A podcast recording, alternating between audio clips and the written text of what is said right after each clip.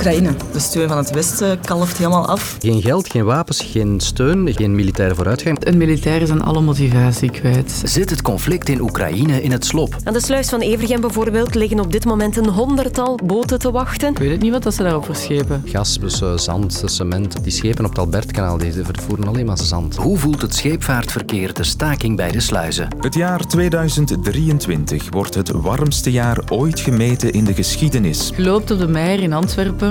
Het is 6 december 2050. Het is 42 graden. Het wordt even warm als Dubai. En welke toekomst voorspellen al die warmterecords? Ik ben Lode Roels en ik vraag een kwartier van je aandacht. Welkom.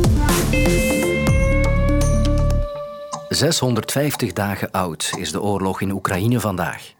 Eén jaar, negen maanden en twaalf dagen geleden viel Rusland Oekraïne binnen. Мною принято решение о проведении специальной военной операции. Maar bij het begin van een nieuwe oorlogswinter lijkt de onvoorwaardelijke en brede steun die het land al die tijd kreeg plots niet meer zo zeker. Het budget in de VS om Oekraïne te steunen in de oorlog met Rusland zal tegen het einde van het jaar helemaal opgebruikt zijn. Dat zit al twee maanden geblokkeerd en Biden zegt ik heb 60 miljard nodig voor Oekraïne of anders gaat Rusland de oorlog winnen van Oekraïne. En ook de interne oneenigheid binnen de Europese Unie doet de geldstroom stokken. Maar Hongaarse premier Orbán wil ook niet weten van het vrijmaken van dat Europees geld, die 50 miljard euro, om Oekraïne tot 2026 financieel te steunen. Dus het ziet er op dit moment uh, absoluut niet goed uit voor Oekraïne. Het geld raakt op, het Oekraïense tegenoffensief sputtert en sinds het conflict tussen Israël en Hamas lijkt de aandacht voor de oorlog in Oekraïne wat weg. Zit de situatie in het slop? En heeft collega Jan Baljouw gelijk? Het ziet er op dit moment uh, absoluut niet goed uit voor Oekraïne. Ik heb hulp ingeschakeld. Ik ben Tom Simons, docent geschiedenis aan de Koninklijke Militaire School. Maar ik denk dat we kunnen zeggen dat het uh, Oekraïnse offensief eigenlijk vandaag niet meer doorgaat. Het is gestopt en het heeft zijn doelen niet bereikt. Daarom uh, beschouw ik het eerder als mislukt. Ik denk dat de Oekraïne gewoon uitgeput is. Hebben sinds begin juni hebben ze aanval na aanval gelanceerd. Ze hebben daarbij heel veel middelen ingezet. Uh, heel veel artilleriemunitie verschoten. En uh, aan elk offensief komt vroeg of laat een einde. Een leger raakt uitgeput. Niet alleen qua voorraden, maar ook het personeel is moe. Uh, de voertuigen zijn versleten, de kanonnen zijn versleten. En, en zeker als er geen resultaat is met het winterseizoen, met de regen die er nu is, de modder, ja, is het eigenlijk niet meer verstandig om nu veel aan te vallen. De Russen doen dat wel. Ze hebben dat vorige winter ook gedaan. En ze hebben geprofiteerd van de, de, het Oekraïnse momentum dat weg was om zelf het initiatief te nemen. En ten allen koste gaan de Russen uh, nu aanvallen om zoveel mogelijk te profiteren van de tijdelijke zwakte van de Oekraïners aan het front, omdat die zich moeten herstellen van hun eigen offensief. Uh, daarvan gaan ze nu profiteren door meteen uh, over, op verschillende stukken van het front in de aanval te trekken. Er werd een tijdje geleden heel veel ingezet op het aanleveren van westers materiaal en munitie ook. Is die, is die aanvoer nog gegarandeerd? Blijft dat komen? Nee, dat staat nu heel erg onder druk, uh, omwille van verschillende redenen. Uh, de meest acute reden zijn de, de, politieke problemen in het Amerikaanse Huis en de Senaat, hè, waarbij er dus geen akkoord is over budget. En een tweede heel belangrijk probleem is dat de, de westerse economieën niet voldoende zijn geschakeld. En zoals verschillende beleidsmakers al hebben aangehaald, wij gaan onze beloften, bijvoorbeeld voor munitie die we gemaakt hebben aan Oekraïne, over aantallen munities die op een bepaald ogenblik geleverd zouden worden, wij gaan die beloften niet kunnen respecteren, dat is nu al geweten. Dus de stroom uh, wapens en munitie naar Oekraïne droogt op, of is hij in elk geval aan het, uh, wat aan het stilvallen. Je hebt de indruk dat de zin in steun die we een jaar geleden nog zagen, dat die wel wat weg is. Hè? Ook door de oorlog in Gaza, kan ik me inbeelden. Ziet u dat ook zo? Ja, je ziet dat echt wel, hè, dat de steun uh, wat afneemt. Je, je ziet dat ook aan de manier waarop media met het item Oekraïne omgaan. Je moet al verscrollen op de nieuwspagina's om Oekraïne nog tegen te komen.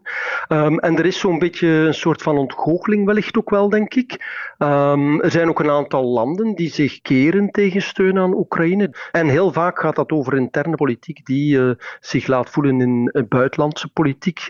Dus waarbij een intern, een binnenlands probleem wordt uitvergroot tot een buitenlands politiek probleem, de houding ten opzichte van Oekraïne. Dus je merkt inderdaad, voor een stukje is dat ook gewoon omdat wij in het Westen in onze inventarissen al diep zijn gaan graven. En nog eens doen wat er vorige winter is gebeurd, uh, tanks en panzervoertuigen beloven, dat wordt wat gevaarlijk.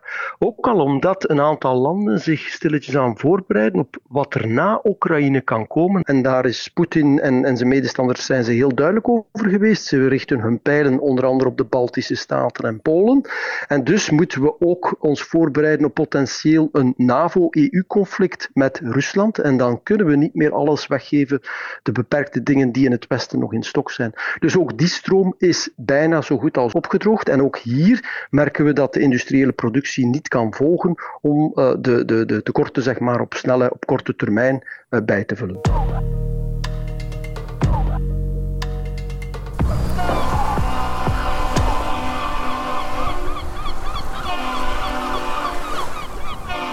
Ik ben Kevin de Koning. Wij liggen momenteel in Everiem aan de sluis en wij liggen sinds eergisteren wachtende voor de sluis door de spontane staking. Meer specifiek een staking bij de openbare diensten. En de openbare diensten, dat is van alles. Het gaat dan bijvoorbeeld over psychiatrische ziekenhuizen, over de VDAB en dus ook over de sluizen.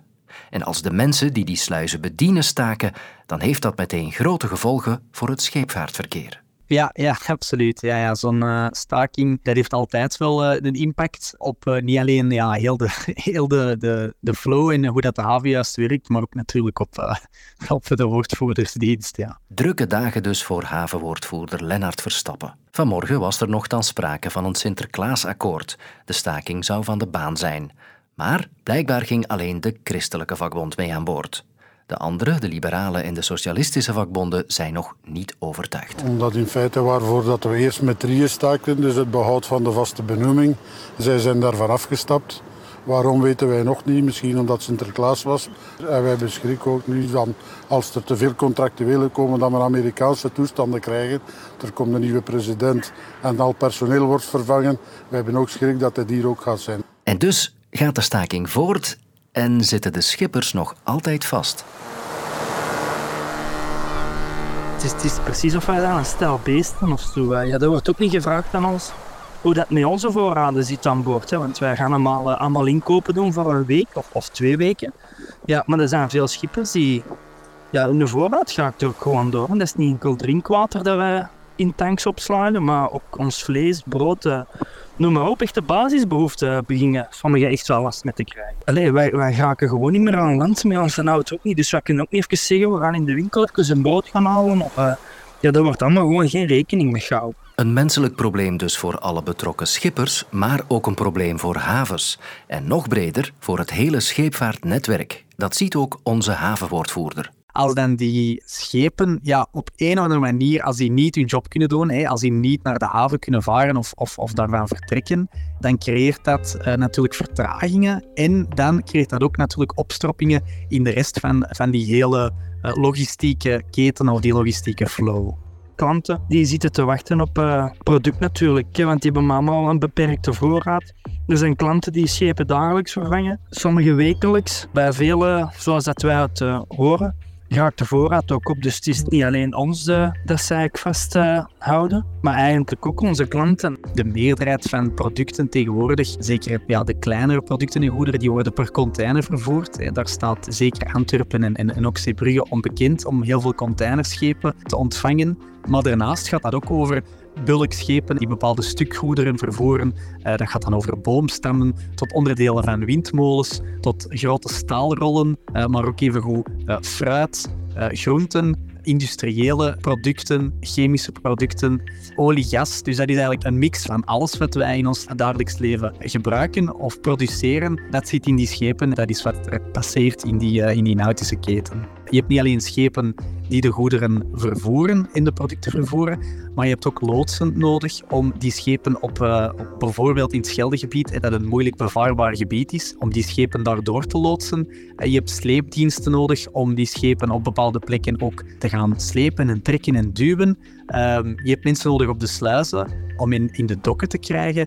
Je hebt bootmannen nodig om de schepen vast te leggen aan wal. En je hebt natuurlijk ook mensen nodig om die, die producten in die goederen te laden en te lossen. Ehm, en dat dan maar een fractie eigenlijk van alle spelers in heel die ketting, in heel die flow. Als er dan ergens een opstropping of een vertraging is, ja, dan kan dat een effect hebben op de rest van die flow. Daarmee dat het dus echt cruciaal is dat eigenlijk alles goed op elkaar is afgestemd en dat er natuurlijk een zo vlot mogelijke doorstroom is van het hele gebeuren. En die doorstroom die zat dus even vast. Intussen zouden een paar sluizen wel terug opengaan. Voorzichtig goed nieuws dus. Al zal het toch nog even wachten zijn voor die hele logistieke flow terug goed op gang is.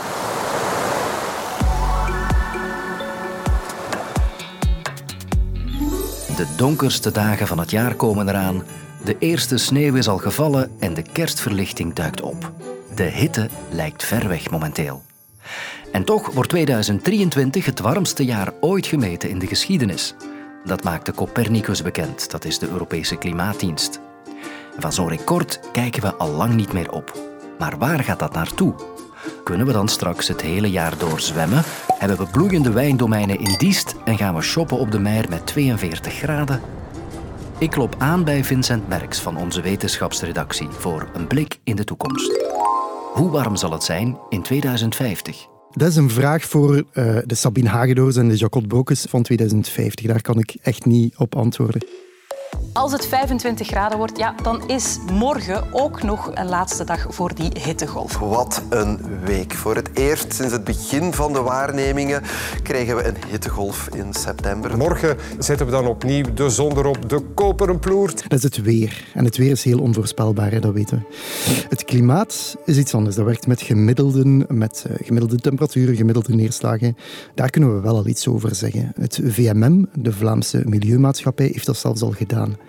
Die hebben berekend wat de huidige opwarming die we nu zien gaat doen tegen 2050.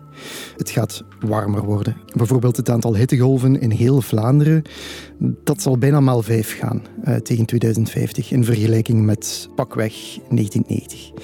Dat gaat in steden, in verharde gebieden, gaat dat effect nog harder spelen dan op het platteland. Hoe komt dat? Dat is omdat stenen, beton, dat absorbeert warmte en dat geeft dat s'nachts weer af. De donsdekens gaan dus vaker de kast in. We gaan dat ook vooral s'nachts voelen. Dat is misschien een beetje contra-intuïtief. Je, je bent misschien de meer aan het voorstellen nu overdag. Iedereen loopt in shorts. Maar het grootste effect zal s'nachts zijn als we in ons bed liggen.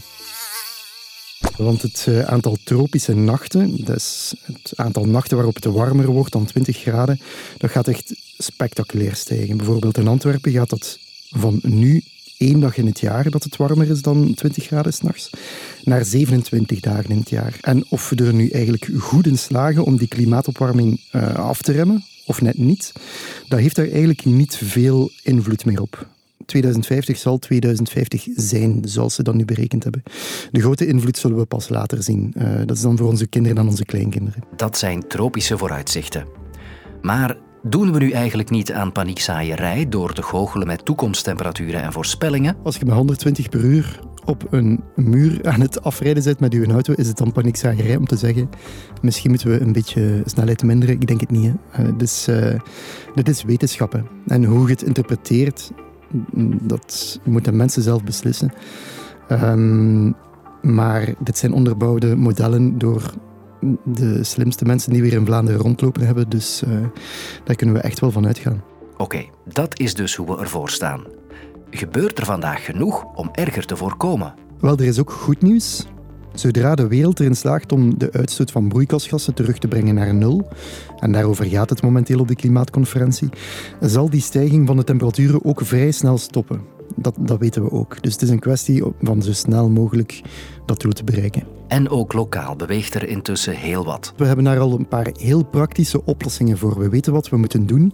En dat wordt zelfs al op sommige plekken gedaan in Vlaanderen. Het gaat dan bijvoorbeeld over ontharden in steden. Tegelwippen. Tegelwippen? Tegelwippen. Veel gemeenten zijn daar nu al mee bezig met uh, terug uh, tegels uit de grond halen en zo. Een ander ding dat we kunnen doen is ruimte voorzien voor water. Uh, omdat als het warmer wordt, de atmosfeer wordt warmer, die gaat meer water vast kunnen houden. En het zal ook heviger regenen, dat weten we ook. Het goede nieuws is, Vlaanderen is al bezig met zich daartegen te wapenen. Dat is onder andere de Blue Deal van uh, bijvoorbeeld minister De Meer. De afgelopen jaren hebben we daar veel stappen gezet om water terug meer ruimte te geven. Want als het gaat regenen, gaat het harder regenen en dan moet je zien dat al dat water ergens terecht kan. Dat gaat dan over ontharden, dat gaat over wadis maken. Dat zijn een soort van grote putten waar uh, water zich kan verzamelen en traag intrekken. We zijn overstromingsgebieden aan het bijcreëren. Dat moet allemaal nog veel meer, zeggen hydrologen mij. Maar de belangrijke stappen zijn de afgelopen jaren daar wel gemaakt. We hebben onze toekomst dus nog zelf in handen, onthoud toch vooral. De enige voorspelling die ik nu nog wil doen is dat er morgen alweer een nieuwe aflevering van Het Kwartier zal zijn. Te vinden onder meer op de kanalen van VRT Nieuws. Luister ook naar de gloednieuwe podcast Alles Goed, waarin Evi Graaiaert zich wekelijks afvraagt hoe ze goed en liefst nog beter kan leven. Nu in de app van VRT Max.